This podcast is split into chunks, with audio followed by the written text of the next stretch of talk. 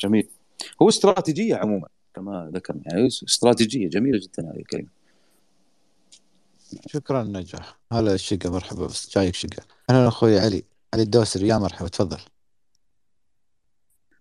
مرحبا بك أخوي شيء آخر ومساعد مرحبا بك. أنا من المتابعين لك أهلا وسهلا. ومن المهتمين في دائما في كل حديث والله ما شاء الله أتشرف بك. أنا طبعا من المهتمين في إيقاف الصمت. آه، آه، مجالي آه، مساعدة أي شخص يصمت إني أخليه يتكلم أخليه يتحدث. لاي شخص عنده مشكلة في النطق حاب أساعده. بس سؤالي يا أبو سعد وش الفرق بين الصمت والسكوت؟ هذا سؤالي بس مشكلة بالله معجميا هناك فرق. لكن أنا هنا لا أهتم بالمعنى المعجمي. لكن دلاليا لا فرق. أنا وش قلت قبل شيء أبو مريم؟ معجميا ما ما ما لا. هو صامت صامت الصامت والساكت أه. كلها واحد. نفس الفرق أه، نفس الكلمة الثالثة اللي قلتها. هذه كلمة تداولية بحتة. المنذر. بس انت انت مهتم باللغات. قلت يمكن لك فيها معنى. في لا لا معجميا نعم. هناك هناك اختلاف لا شك. في مسألة اختيار أو غير اختيار. لكن ما أتحدث عنها ليست قضية. ليست قضية. هل هل الصمت مرض يا مساعد؟ لا. مو مرض لا لا لا. أنت آه لا طبعا لا يمكن يكون مرض بل أحيانا هو هو نعمة من النعم العظمى. ولكن على حسب متى تصمت. هو أحيان في أحيان يكون الصمت مذمه أحيانا يكون يعني احترام لنفسك أصلا. أنا أحترم نفسي فاصمت فهي على حسب السياق. أنا هنا يعني أؤمن بالتداولية وأقول أنها على حسب السياق. لا يوجد قاعدة مطلقة يعني. ألف شكر لك ولا شيء آخر. شكرا لك. يا مرحبا يا حبيبي. انت أنت أظنك قلت أنك أنت تساعد من أراد أن يتكلم؟ إي نعم أنا مهتم في التأتأة بس في السعودية. آه في التأتأة هذه هذه تنفعك اللسانيات النفسية. هذه تنفعك تخصص اللسانيات النفسية. تهتم بالتأتأة والحبسه وغيرها. أنا الف كتب فيها جميل جميل جميل. منك نتعلم يا حبيبي. الله يوفقك أخوي علي. بارك الله فيك. طيب أبو سعد كلام المجنون أو المخمور أو النائم هذا اللي يتكلم وهو نايم مثلا هذول يعتبرون منافيا للصمت أو يدخل ضمن الصمت. هذا سؤال من الخاص. دلاليا صمت لأنه ليس مفيد. دلاليا صمت لأنه ليس مفيد. لماذا؟ لأن الدلالة واحدة. المجنون يقول كلاما غير مفيد. اذا أنا لا أستقبل هذا الكلام لا لا يصلني دلالة. الصامت هنا لا تصلني منه دلالة. فهما في الناتج واحد. هذا تحت قاعدة الحديث المفيد اللي تفضلت فيه إيه لا إيه لكن قانونيا يختلف الموضوع طبعا. لكن هنا نتحدث عن اللغة في بحرها. لا نتجاوزها يعني. قانونيا لا يختلف. حتى كلام النائم زين أنا نايم ما عندي ادراك أنا مو لا مدرك. لا لا الكلام النائم مختلف. النائم هذا له له منطوق آخر. الآن لاحظ فلان نايم وقاعد يتكلم. طيب هل يؤخذ بكلامي هذا أم لا؟ في ناس تقول يوميتها شنو سووا يعني في واحد تسأله ممكن يجاوبك بعد يمشي معاه. لاحظ أنا س... أنا سوف افسر لك هذه المسألة. المسألة لابد من تأصيلها. الإنسان يخزن كلمات منذ ولادته. منذ كان جنينا في بطن أمه وهو يخزن. منذ كان جنينا في بطن أمه. هذه اللحظات الأولى لتخزين اللغة. طيب. يبدأ بتخزين اللغة لكن لا تدرج على أنها إدراكية حتى يبدأ هنا بالأسئلة. أسئلة الطفل هي أسئلة إدراكية الهدف منها تكوين مفاهيم شخصية له. لهذا قد تجد الطفل مثلا في أولى ابتدائي هذا يفهم شيء وهذا يفهم شيء لماذا؟ لأن جهاز المفاهيم يختلف. الآن الإنسان يبدأ كما قلنا يخزن كلمات يصبح عنده آلاف الكلمات وكل كلمة لها معنى دلالة يعني. الآن يأتيك مبدأ وهذا المبدأ بدأ مع البنيوية اسمه الاختيار والتركيب. ما معنى الاختيار والتركيب؟ هذا الاختيار والتركيب يأتي طبعا بطريقة يعني إدراكية محضة. أنا الآن مثلا بعطي مثال بسيط. لنفترض أن عندي 5000 كلمة مخزنة عندي. هذا عدد الكلمات اللي عندي. وجيت بقول لك على سبيل المثال مثلا مثلا ودي نفتح مساحة اليوم. لاحظ ودي نفتح مساحة اليوم. أربع كلمات. هذه الكلمات أنا اخترتها من ال 5000 كلمة. كلمة ودي يمكن يكون ترتيبها 156 إذا بناخذها كرقم لأن حتى هذه المدرسة مدرسة سوريه طبعا عند رومان بارت وديزفيتانت دروف جينيت. هذه يهتمون حتى بالحقول بمفاهيم الحسابية إحصاء يعني. لنفترض أن كلمة ودي موجودة عندي هي 5000 كلمة ترتيبها 126 ودي نفتح كلمة نفتح ترتيبها عندي 656 مساحة ترتيبها عندي 16 اليوم ترتيبها عندي مثلا 1255 يعني عشوائية الآن. لأن اللغة هنا عندما تخزن تخزن بطريقة عشوائية اعتباطية بلغة دسوسير الآن أنا اخترت هذه. لو أنا جيت وقلت لك ودي مساحة اليوم نفتح. هنا بيصير الكلام هجين. يعني كلام مثل كلام بعض الجنسيات الغير عربية التي تقطن عندنا. لكن يأتي مفهوم التركيب هنا فيقول ضع هذه رقم واحد ودي. ثم ضع نفتح رقم اثنين ثم ضع هذه ثلاث ثم هذه أربعة. لماذا؟ حتى تعطيك دلالة. المستقبل المتلقي يفهمها منك فيصبح عندك بينك وبينه تفاعل. واضح؟ هذه الفكرة الآن تسمى الاختيار والتركيب. يعني أختار وأركب. وهذه تأتي في بسرعة بالغة. ولهذا اللي عنده مشكلة مثل الحبسه على سبيل المثال اللي عندهم حبسه هذا يعالج. هذا عنده مشكلة. ولهذا أحي... الإنسان أحيانا يتأخر مثلا في الكلام. لماذا؟ في موقف معين. لأن السبب هنا نفسي. قد يكون ضغط نفسي. مثل أحيانا يتلعثم الإنسان بسبب ضغط نفسي بسبب مثلا إنه هو قابل واحد له هيبة كبيرة. زي زيك أنت يا أبو مريم لك هيبة. في واحد مثلا يخافك هكذا ويهابك فتتلعثم الكلمات أمامه. وهكذا. هذه الفكرة قد تكون بالمعاكسة أيضا. يعني إني أنا أنظر الإنسان ما أشوف الشيء مثل ما نقول بال- بالعامية. هذا الإنسان اللي ما أشوف الشيء ممكن إني أنا ما أعطيه هذه الكلمات لا أعطيه أقل منها. وقد أصمت استحقارا له. هذه تكون يعني بالسالب مثل ما نقول. الآن هذه الفكرة هي الفكرة الموجودة عند الإنسان. لاحظ قلنا إن عنده 5000 كلمة. في كلمات موجودة في قعر الخ- الخزان اللغوي عنده. لما ينام هو عنده الآن جالس الآن دائما الإنسان وأنا شبهته بمثال بسيط. شفت الآن الكاميرا هذه اللي بالجوال؟ افرض إنك حطيتها على على على الطريقة الأوتوماتيكية. في الدقيقة كم تعطيك آه، صورة؟ يمكن ألف ألفين ما أعرف بس إنه عدد ضخم جدا صح؟ هذه الآن تلقط. تلقط الصور. الآن أنت في حياتك لنفترض عمرك 30 في ال 30 سنة هذه قاعد تلقط الصور. ال... هذه الآن مثل الكاميرا اللي قاعد تشتغل بطريقة أوتيكية شغالة في 24 ساعة في ال 24 ساعة. وقاعد تلقط صور. بتخزن عندك. ولهذا صور الإنسان لا معدودة وكلماته معدودة. الآن جيت أنت في آه، وأنت نايم.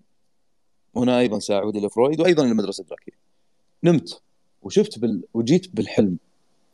عندك مخزون صور لابد أن يخرج. وأشبه بالمكبوت. خلاص وصل حد لازم فاض لازم يطلع. لما يطلع يطلع اختياري لكنه ليس تركيبي. يطلع بطريقه عشوائية. ولهذا أنت تقول كلام يقولون لي اللي حولك هذا قاعد يهذري ولا ما هو بصاحي ولا نايم لا تشرفون عليه. الحقيقة أن هذه الكلمات أنت ما قلتها عبث. أنت أخذتها من من هذا الخزان اللي عندك. لكن طبق عليها الاختيار ولم يطبق عليها التركيب. أنت ما ركبتها صح. أنت بس قاعد تنثرها نثر. في الكلمات اللي يقولها النائم ترى هي من جو من جواه. هي لها علاقة به. وما ما يجي يقول لك والله أنا ما لا وأنا نايم لا تشرد علي. لا هي لها علاقة به. لما يكون في موقف معين موقف مثلا في نفس اليوم ويكون ضاغط عليه اليوم هذا ما الذي يحضر في الصور؟ الذي ضغط عليه في نفس اليوم. يعني كأن الموقف هذا من شدة ما ضغط عليه استحث صور معينة حتى يتوافق مع هذه الفكرة. من هنا تأتي فكرة الكابوس مثلا. ليش؟ لأن الكابوس أو الموقف الصعب هذا أثر علي نفسيا ونمت.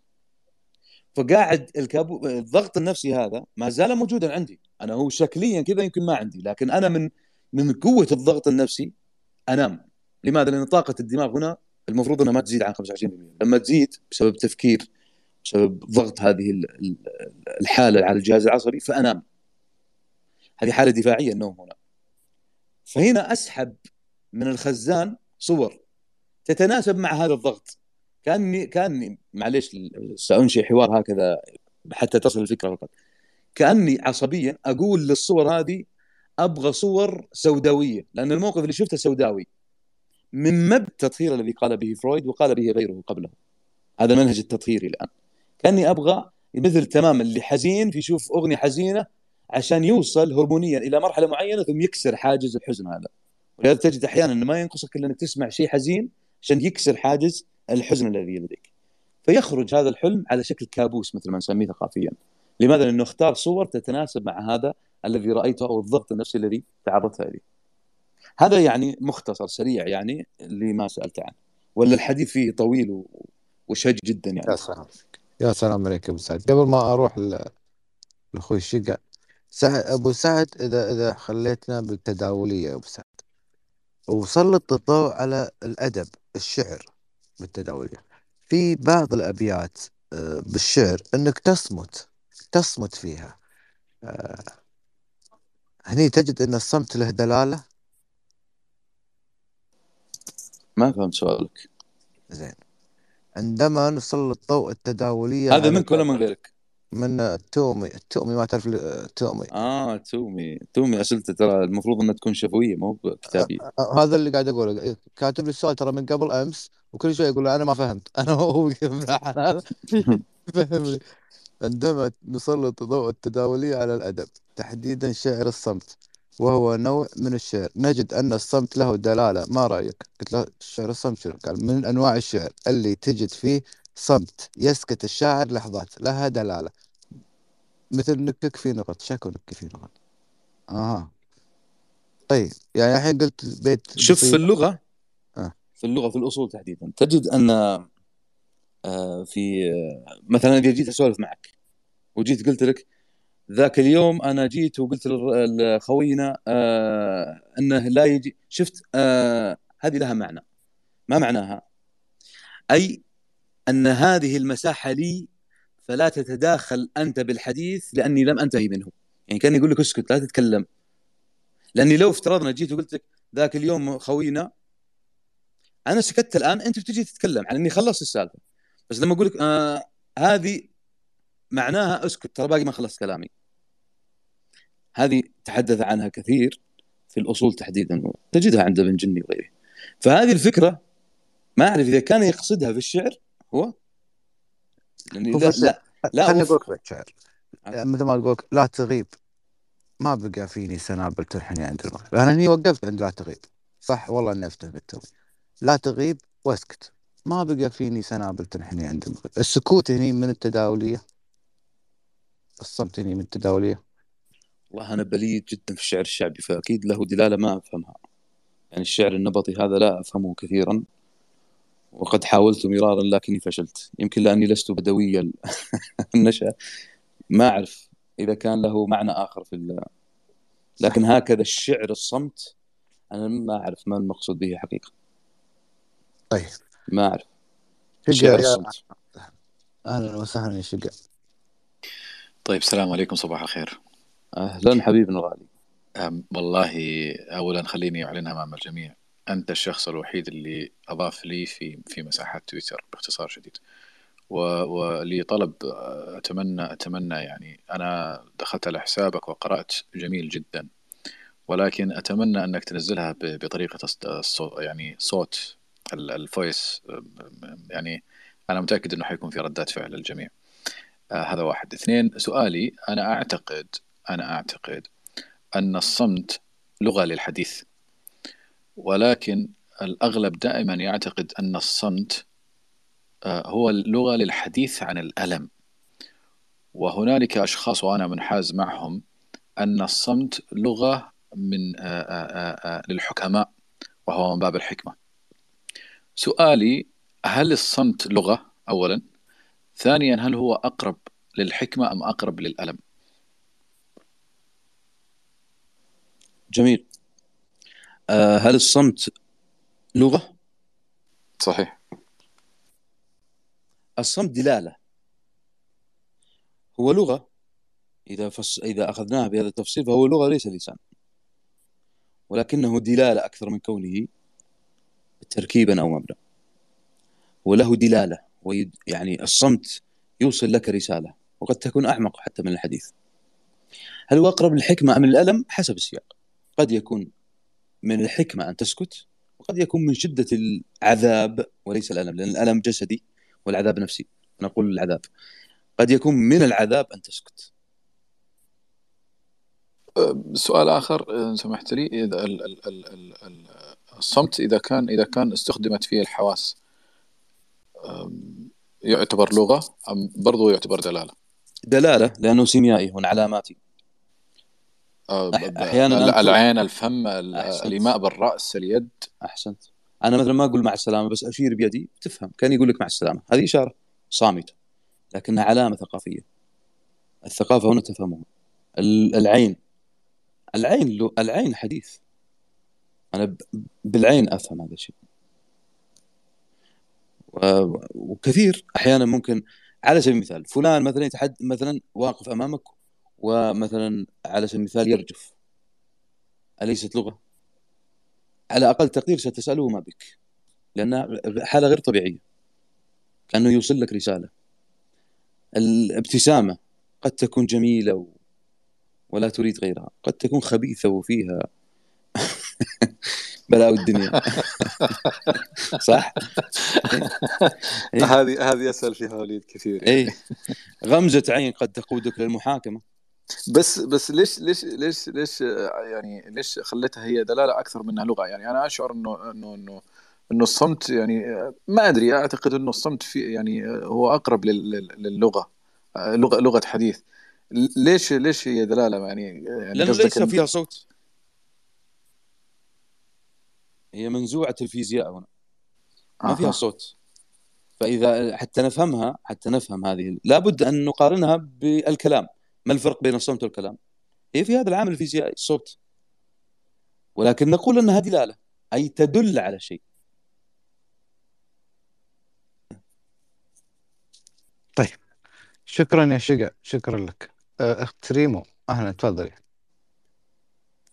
آه، أنا نضيف على كلام الأخ شقا أن بصراحة يعني من أكثر الأشخاص اللي استفدت منهم بتويتر آه، الأستاذ طارق يعني. في شيء بس نحب نسأل عليه على الصمت المتعمد أو الكتمان. آه، نتيجة للأداء يعني التعرض المتكرر للأداء والخذلان آه، يضطر الإنسان إنه هو يظل صامت. يعني في هذه الحالة يكون الصمت عبارة عن حالة مرضية. يعني مجرد ما إن الإنسان مثلا زي ما نقول إحنا يعني يعني يلتقي مع شخص مثلا يتفق معه عقلانيا وداخليا يتحول الصمت إلى كلام. يعني فهل الصمت المتعمد هنا نتيجة للأذى متكرر آه يعتبر حالة مرضية آه اللي هو الكتمان بشكل أشمل يعني. وكيف نقدروا مثلا يعني مثلا كأطباء نفسيين أو أو أطباء بشكل عام إن إحنا نتعاملوا مع الصمت من النوع هذا. آه آه بس يعني شكرا. أولا أنا أشكر حبيبنا شق على ما قاله فيه وهو من حسن ظنه بأخيه. وأيضا أشكر الدكتور آه، ريمو على ما قالته وأرجو أن أكون نافعا. أما آه، هل هو من الممكن أن يكون في حالة أذية؟ قد يكون الإنسان أحيانا يصمت لأنه كأنه كأنه سلم راية الحرب واستسلم للخصم. يعني كأنه يريد كما أقول يريد أن يخرج من هذا العالم المادي إلى طقس نفسي يريد أن ينعزل حتى يكون منعزلا في حالة من الطقوسية النفسية ويبتعد عن هذا العالم المادي الذي أضره كثيرا. فهو نوع من الاستسلام، نوع من كأنك تقول للآخر أنت المنتصر لكن ابتعد عني. يعني أريد أن ألملم ما بقي في أريد أن أبقى مع جراحاتي وآلامي وما بقي من نفسي وذاتي المنكسرة المهتمه. هذه حالة آه. يعني صعبة آه. جدا لا. نعم ليس ليس بالضرورة أنه يكون استسلام أنا أعتقد أنه هو وسيلة قوة يعني أنا يوم نلتجئ لنفسي ونحاول أني نرسم عالم خاص بي آه، بس بطريقة أكثر تطور يعني بطريقة الصمت هذه يعني لاحقا أنا تأتي هذه تأتي لاحقا لكن في البداية. ستكون استسلام بمعنى البعد عن الآخر أنا أستسلم له خلاص ثم تبدأ هنا النفس بمحاولة معالجة ما حدث من ضرر حتى لديه القوة المشكلة أن العامل الخارجي سيكون أقوى بمراحل من الع- العامل الداخلي. يعني ذاتي كأنها ذات واحدة لكنها قابلها جيش عرمرم فهزمها بطبيعي هذا الأمر. يعني لم أغذي ذاتي ولهذا مهم جدا الإنسان يهتم بالمفاهيم التي يدخلها يدخلها عليه يهتم بالصور الذهنية يهتم بتقوية ذاته يهتم بكما يقول أهل النفس يهتم بتأثيث عزلته من وقت مبكر. حتى لو أتى عامل خارجي يستطيع أن يواجهه بهذا الجيش أو هذه القوة الداخلية. لكن المشكلة بعضهم مهترئ ذاته تماما لأنه منصرف تماما للآخر. فلا يستطيع أبدا أن ينفك عن الآخر. لا يستطيع أن يبقى مع نفسه لو للحظات فضلا عن أكثر من ذلك. لكن عندما يبقى منعزلا ومنكسرا وهذه من طبيعة الإنسان هو سيقوي نفسه بنفسه لكن حسب ما سيفعله بنفسه. فبعضهم ينهض سريعا وبعضهم يتأخر وهكذا حسب الفرد وحسب آلياته وقدراته وبطبيعة الحال إرادته الداخلية. نعم. نعم يا أبو مريم. شكرا يا دكتور. آه، عالجتني بصراحة يعني. لا I'm لا عفوا. trying يعني. لي فترة آه، آه، يعني نحاول إني نفسر النوع اللي أنا مريت فيه بس بس حضرتك يعني لخصتها في ثواني يعني. اهتمي بالمدخلات هذا أهم شيء. yes okay المدخلات هذه كل كل شيء يعتمد على المدخلات. حتى جهازك الهضمي يعتمد على المدخلات. جهازك العصبي يعتمد على المدخلات. كل شيء يعتمد على المدخلات ما الذي يدخل بداخلك؟ ماديا ونفسيا. قل لي ما هي مدخلاتك أقول لك ما هي مخرجاتك. هكذا أقول دائما. نعم. شكرا يا أبو سعد. شكرا دكتور اليوم. دكتور طلال أهلا وسهلا فيك. تفضل.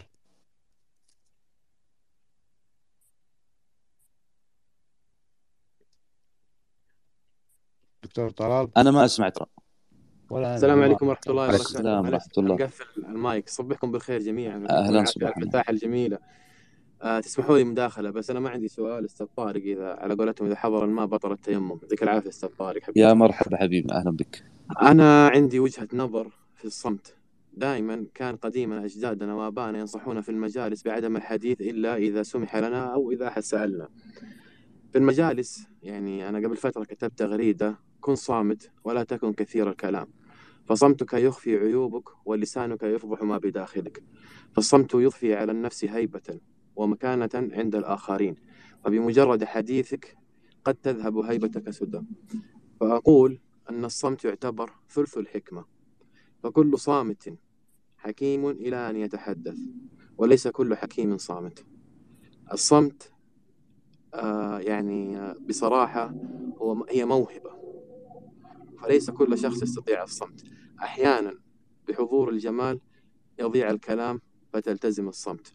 وأحيانا في لحظات الحزن لا تجد مخارجا للحروف فتضطر إلى الصمت مما قد يؤدي لك إلى حالة الاكتئاب. أتمنى إني أكون أضفت يعني كان في خاطرة كذا لا حق شعر ولا جميل. حق شيء. لا, لا أنت كذا- أنت أديب. أظنك أديب. أنا والله ماني أديب يعني ولكن يعني الحياة يعني بتعلمك أشياء كثير أخوي طارق. صدقت صدقت الحياة مدرسة شكرا يعني يا أخوي طلال يعطيكم العافية و... أهلاً وسهلاً. نتشرف. بالعكس بالعكس. بالعكس ونورتنا ليتك معنا دائما يا دكتور طلال. بإذن الله سمحت لنا الفرصة. نتشرف مرحبا بك. تفضل يا أبو سعد. لا ليس لي تعليق بعده. هو مقطوعة باذخة هذه لا يعلق عليها. لا سؤالك الأخ نوره لأنه ما في أحد طالب المايك أي لا ال- ال- معنا نورة؟ إي معنا أي نعم على إي إذا أنا ودي أسأل عن مسألة ال- الأخصائي والصمت. يعني كأني هنا أسألها عن عن أهمية الصمت عند الأخصائي مع العميل. يعني كأنها تحكي لنا يعني فقط. يعني نسمع حكايتها عن هذا الموضوع. واضح واضح ما قلته أيوه واضح واضح. سمعت مداخلتك قبل ساعة تقريبا لما تكلمت عن موقف فرويد. بس لو تقربي كذا أو شيء ما أدري الصوت شوية كذا أوضح؟ إي معلش تفضل. إذا كذا مو أوضح في طريقة أكثر يعني وضوح. والله أنت يعني تفضل. لأني لابسة السماعة فهذا أقوى شيء في السماعة. إذا الحياة. ما هو لا ضابط بنزلها. لا لا تفضل. طيب أم، أولا إذا تكلمنا في علم النفس والارتباط بين الصمت والكلام ففيه آه، فرق في النظر للأخصائية والأخصائي النفسي من خلال المواقف اللي يقودها. آه، إذا كان داخل العيادة النفسية من الأولى أن يترك يعني مساحة لطالب الخدمة في أن يوضح يعني مشكلاته بأقصى قدر من الراحة. وأن يكون ماهر وفعال في التجاوب مع مع اللي يقوله ال- المسترشد أو طالب الخدمة. لا يكون صامت لكن يكون يعني عنده مردود يشجع طالب الخدمة على الكلام أكثر. هذه داخل ال- العيادة النفسية. أما آه، خارج العيادة النفسية آه، أنا من وجهة نظري أن الأخصائية والأخصائي النفسي يعني ناس عاديين ممكن تلقاهم مرات يتكلمون مرات يسمعون آه، يعني يمرون بما يمر فيه عامة الناس.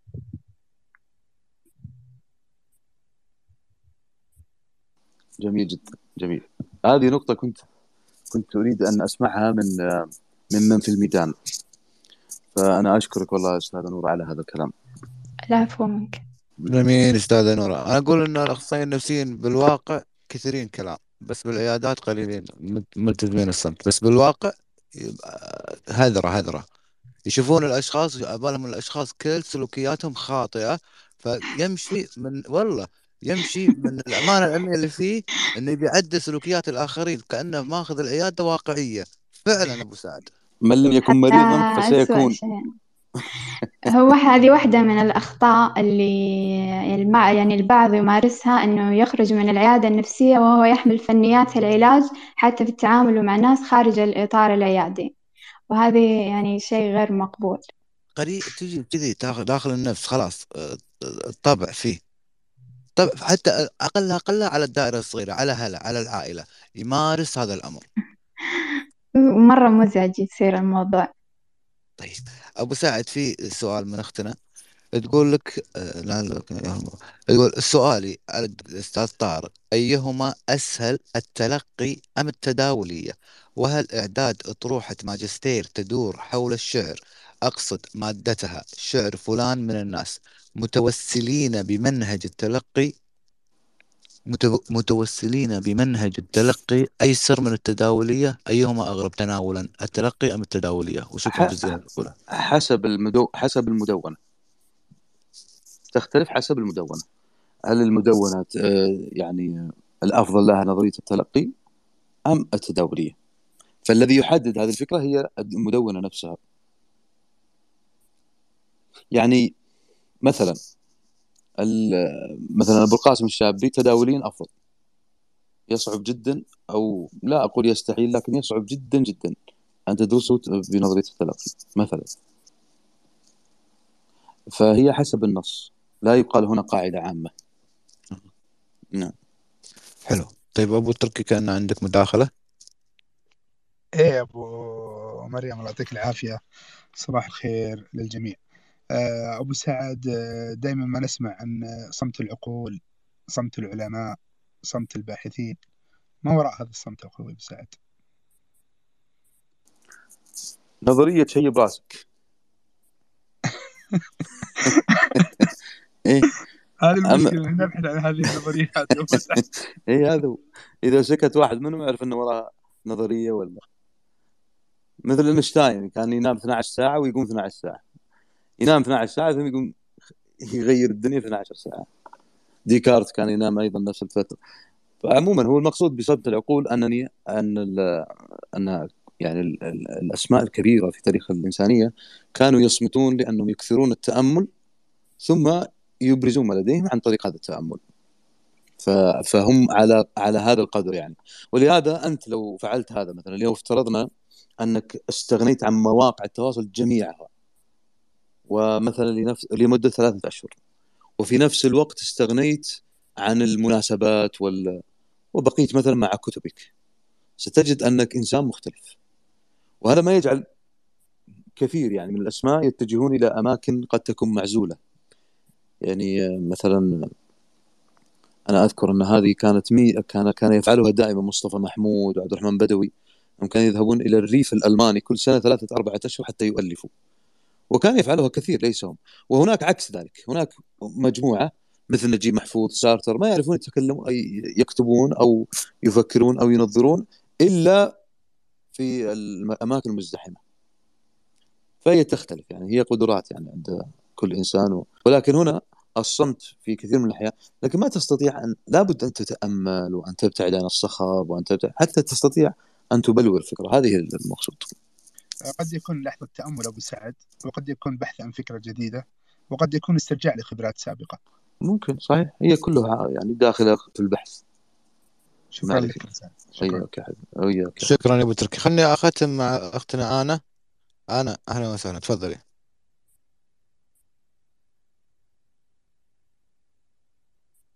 أنا ما أسمع ترى الصوت. أخت أنا السلام عليكم. صباح الخير.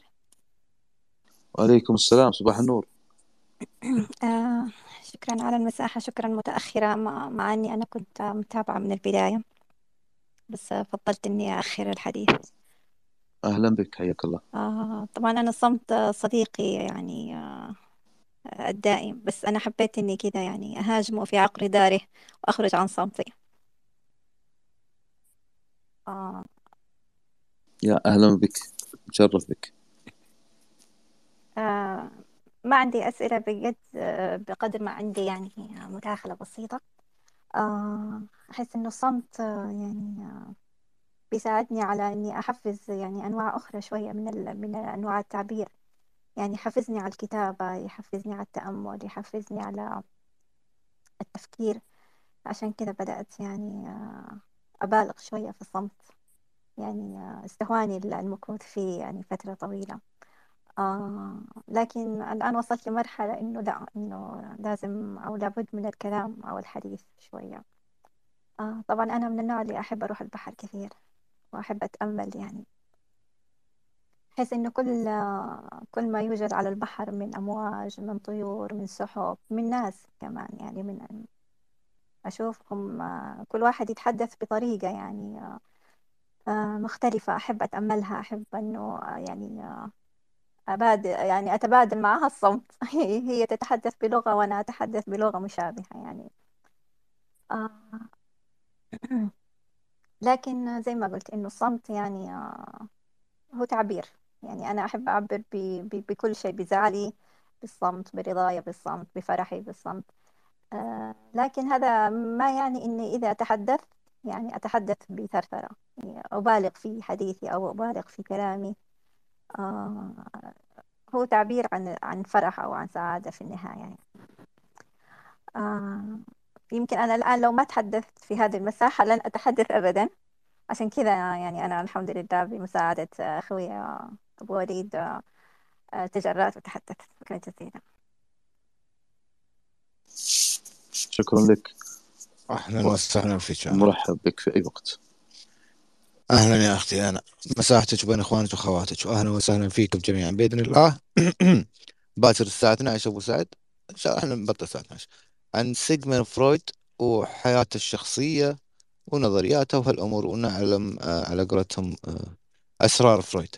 آه، السؤال اللي الأخ اللي سالني في الخاص ما الفرق بين الله اكبر ما الفرق بين الصمت والسكوت؟ والله سألوا أنا سألته وواحد من الاخوان سأله وقالوا بساعد إنه ما في فرق فعليا يا أخوي ما في فرق. أبو سعد بس الجزئية السكوت لأن حسيت إنه زعل علي الأخ. لا هي نفس المعنى الذي قلناه. معجميا هناك فرق. لكن لا يهمنا المعجم يهمنا الدلالة. فهما شيء واحد.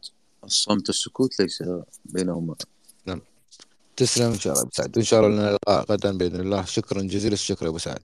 ولك الشكر وللجميع أيضا. كل الشكر ونتشرف آه. لو ممكن أستاذ طارق آخر سؤال بس مداخلة قبل ما تنتهي المساحة بس. نعم تفضلي. آه، الترترة الترترة الناتجة عن الصمت. يعني الإنسان اللي يقعد فترة طويلة صامت وفجأة يجد نفسه يعني يتحدث يعني بطريقة مبالغ فيها. زي ما قالت الأخت أنا هل هو نتيجة لتراكم الكلمات في داخله؟ فأول ما يصادف أي شخص يصير عبارة عن عشوائية في انتقاء الكلمات أو مبالغة في انتقاء الكلمات. إيه إيه. هذا دافع نفسي. الدافع نفسي يعني. نعم نعم. دافع نفسي. لأنه صمت آه، في الم- المرة الأولى لعرض نفسي فهو يثرثر الآن لعمل نفسي. ترى كلمة ثرثرة ليست سبة. نعم. إنما, شكرا مع... إنما معناها الحديث بسبب بدون سبب. الحديث بالسبب بدو... شنو؟ الحديث بسبب وبدون سبب. الحديث مثل بالسبب مثل إذا قلنا فلان يستطرد وفلان يطنب الذي يطنب هو الذي يتحدث بحديث له صلة بالسياق ونافع. الذي يستطرد هو الذي يخرج عن الموضوع بكلام غير مفيد. أنا مرة قلت لك أبو سعد أنت قاعد تسهب وما حبيت أنت قلت لي لا لا تقول تسهب؟ تسهب عفوا أنا قلت. استطرد. لا أنا إيه، أقصد الإسهاب والاطراب نعم. الإسهاب هنا هذه مذمة لغوية. يعني إنك قاعد تقول كلام ما له أي علاقة وقاعد قاعد تبثرنا بكلامك وغثيث. لا ان شاء الله. لا ان إيه. شاء الله. هذا معناه. أها طيب. في في كلمة بعد الحين ماخذينها يعني علينا علينا أن نكافح الصمت يعني المفروض في مواقع معينة الإنسان لا يصمت. الكتمان المتكرر نتيجة للصمت المتكرر يؤدي بنا لأمراض نفسية. يعني أنا نشوف فيه من حالة الترترة هذه دلالة على آه، على تراكمات تراكمات داخلية. فالمفروض الإنسان دائما يعبر عن مشاعره. حتى لو كان الشخص المتلقي غير يعني ماهوش أهل للاستماع فضروري ما يعبر عن نفسه باش ما يخلقش آه، ذلك المناخ اللي يؤدي به لأنه هو يصير مريض نفسي يعني. ممكن ممكن يعني لا نبالغ في وصفه أيضا. يعني اتركوا المسألة اتركوا مسألة مرض وما مرض هذه اتركوها جانبا. لكن ببساطة شديدة جدا تحدثوا حين ترون أن الحديث يفيدكم. واصمتوا حينما ترون أن الصمت يفيدكم. نقطة. انتهى كلام إي هذا اللي نبغى نقوله من ست ساعات. لو لو حطينا بالعنوان خلاص ما كنا. يا حبيبي. بتغريده وخلصنا وشو له ست ساعات؟ يا حبيبي أبو سعد. هذه ثرثره والله. عمليا هذه هي. بس والله مو... لا هذه مو ترثره لأنها مفيدة. صح؟ أكيد بقول صح لأني قاعد أسولف عن نفسي. ابدا ابدا ابدا. بالعكس أنت أنت ساعدتنا أنت ساعدتنا في ترتيب أفكارنا يعني. إحنا حاليا. نرتب في أفكارنا يعني بس يعني انت قدنا إن إحنا نطلع مخرجاتنا بطريقة لائقة يعني تعبر عن عقولنا وما تحتويها يعني. وشكرا يا دكتور طارق بارك الله فيك. عمت مساء. على خير. أهلا بالجميع. أستاذ طارق المدح في في في وجه الرجال مذمه ولكن المدح ليس لك ولكن ليسمع الآخرين. أستاذ طارق أنا وصفتك في ثلاث مساحات أو أربع مساحات. كنت غائب وملائكتك وأنا ذاك حاضرة. إنه أنت عبارة عن كتاب صوتي عندما أسمعه تتغذى أفكاري، أنت عبارة عن تغذية في المساحات. يشهد الله أنه أنت الشخص الوحيد بالنسبة لشقة على الأقل اللي تغذى فكري منك. أنا يمكن الجميع يعرفني في المساحات. دائما أطرح أسئلة من باب أنه التفكر. التفكر. ودائما أقول الآية الكريمة أفلا يتفكرون؟ هي كانت رسالة توبيخ واضحة. وإحنا دائما عقولنا ما نستخدمها بالطريقة الصحيحة. لذلك لذلك اللي اللي اللي اللي, اللي بوصله إنه إنه أتمنى إني أستطيع أن أستثمرك بالطريقة الصحيحة. آه، أنت بالنسبة لي آه، كتاب صوتي أستمتع في قراءته آه، بسمعي. وأتمنى أن تكون وطبعا وأنت كتاب يقرأ من خلال حسابك. وأتمنى أن تحول هذا الموضوع أنا ما زلت مصر على فكرة إنه ليش ما تنزل فويس صوتي في في في في تويتر في في في في حسابك. لأنه خليني أقول لغتك النخبوية ليس ليست متداولة يعني غير مفهومة عند عامة الناس ويمكن أنا طلبتك في مساحة قبل كذا إنه دائما لما تتكلم حاول أن تضرب أمثلة حتى تتضح الصورة للآخرين. فالصوت ممكن يوصل يوصل المعلومة أكثر وأنا أدعو الجميع بأن يتصفح حساب الأستاذ طارق ويقرأ سيجد أشياء جميلة جدا بس القراءة بتأني والتفكر في في وقت واحد. آه، آه، هذه هذا مش مدح لك. هذا شيء في خاطري. حبيت أسمع على الآخرين ويفترض إنه ما يكون في وجودك من باب الأدب. فشكرا لك. آه، أنت بالنسبة لي كتاب وأنا ما زلت أحتفظ احاول إني أحتفظ على الكتاب وأحرص على قراءته. وأنا نحاول إني ندفع أن يحول لنا اللذة العقلية اللي نسمع فيها حاليا لقراءة. يعني كتب كتاب آه، يحتوي على أفكار الأستاذ طارق. يعني حاول إنه يلخص لنا أفكاره في كتاب. و... آه لماذا يعني؟ شو اللي يمنع إنه هو بدل من voice note تتحول voice note وتتحول يعني لكتاب؟ يعني يشمل أفكار الأستاذ طارق. والله أفكارك تستحق ال... تستحق النشر يعني. ممكن إحنا محتاجين نعقد عقولنا بناس عندها عندها قدرت تجمع حصيلة أفكار يعني فلسفة ونقد وأدب أنا والله أنا أشكركم حقيقة جميعا. وأعرف أن ما دفعكم إلى هذا الكلام هي المحبة لنقل بيننا والاحترام والتقدير. وإن كنت لا أرى أنني بهذه المكانة العظيمة التي تحدثتم بها ليس تواضعا لكني أربي نفسي على أن أكون كما أنا. أنا أشكركم حقيقة على هذا الكلام وأرجو فقط أن أكون نافعا. هذا يكفيني وهو من حسن ظنكم وكريم أخلاقكم. بوركتم جميعا. وأنا في الحقيقة أني أستفيد والله حقيقة كثيرا من هذه المساحات. وأقولها وأنا يعني متيقن لهذا. أنا لست محتاجا أن أقول شيئا لست معتقدا له لكني حقيقة أقولها بصدق يعني أنني فعليا أستفيد كثيرا من هذه المساحات وأيضا من الردود التي تأتيني في في تغريدة في تغريدات. وهي كما قلت يعني بما أننا نتحدث عن المكتوب فالآن يعني أيضا بالنسبة للقناة هي بدأت وقلت هذا سابقا ان ما أكتب ما أقوله في القناة. بدأت دار نشر الآن تعمل عليه منذ فترة. والتغريدات أيضا بدأت تعمل عليها حتى الردود التي هي موجودة وموثقة بأسماء من ردوا تحت التغريدات ولعلها إن شاء الله سترى النور قريبا. من باب يعني فقط تدوين شيء قد يكون مفيد يعني لمن أراد دراسته. كما تعلمون أن هذه لا يعني لا تعني لأني أيضا جاءني بعض الردود وأعرف أنها تهكمية عندما غردت بهذه الفكرة. ولكنها حقيقة موجودة. وهي ليست مدح ولا ذم يعني. أنا ممكن أني أنا يعني أكتب رسالة دكتوراه عن إبليس. لا يعني هذا أنني أمدحه. البحث العلمي ليس فيه مدح أو ذم. هو دراسة لحالة موجودة. نحن يعني نبحث في أمور آه، يعني البحث العلمي دائما محايد. فعندما أقول مثلا آه، أني أن احدا مثلا يكتب كتابا الآن يضم فيه هذه التغريدات التي أكتبها والردود عليها فأنا هنا لا أمدح آه، طارق. لأنه قد يكون يكتب هذا الكتاب لذمي. إنما أقول أن هناك حالة معرفية معينة أكتبها وهو أتى واستثمرها واللي يحللها هو بطريقته ولا أعلم ما هو التحليل الذي سينتهي إليه.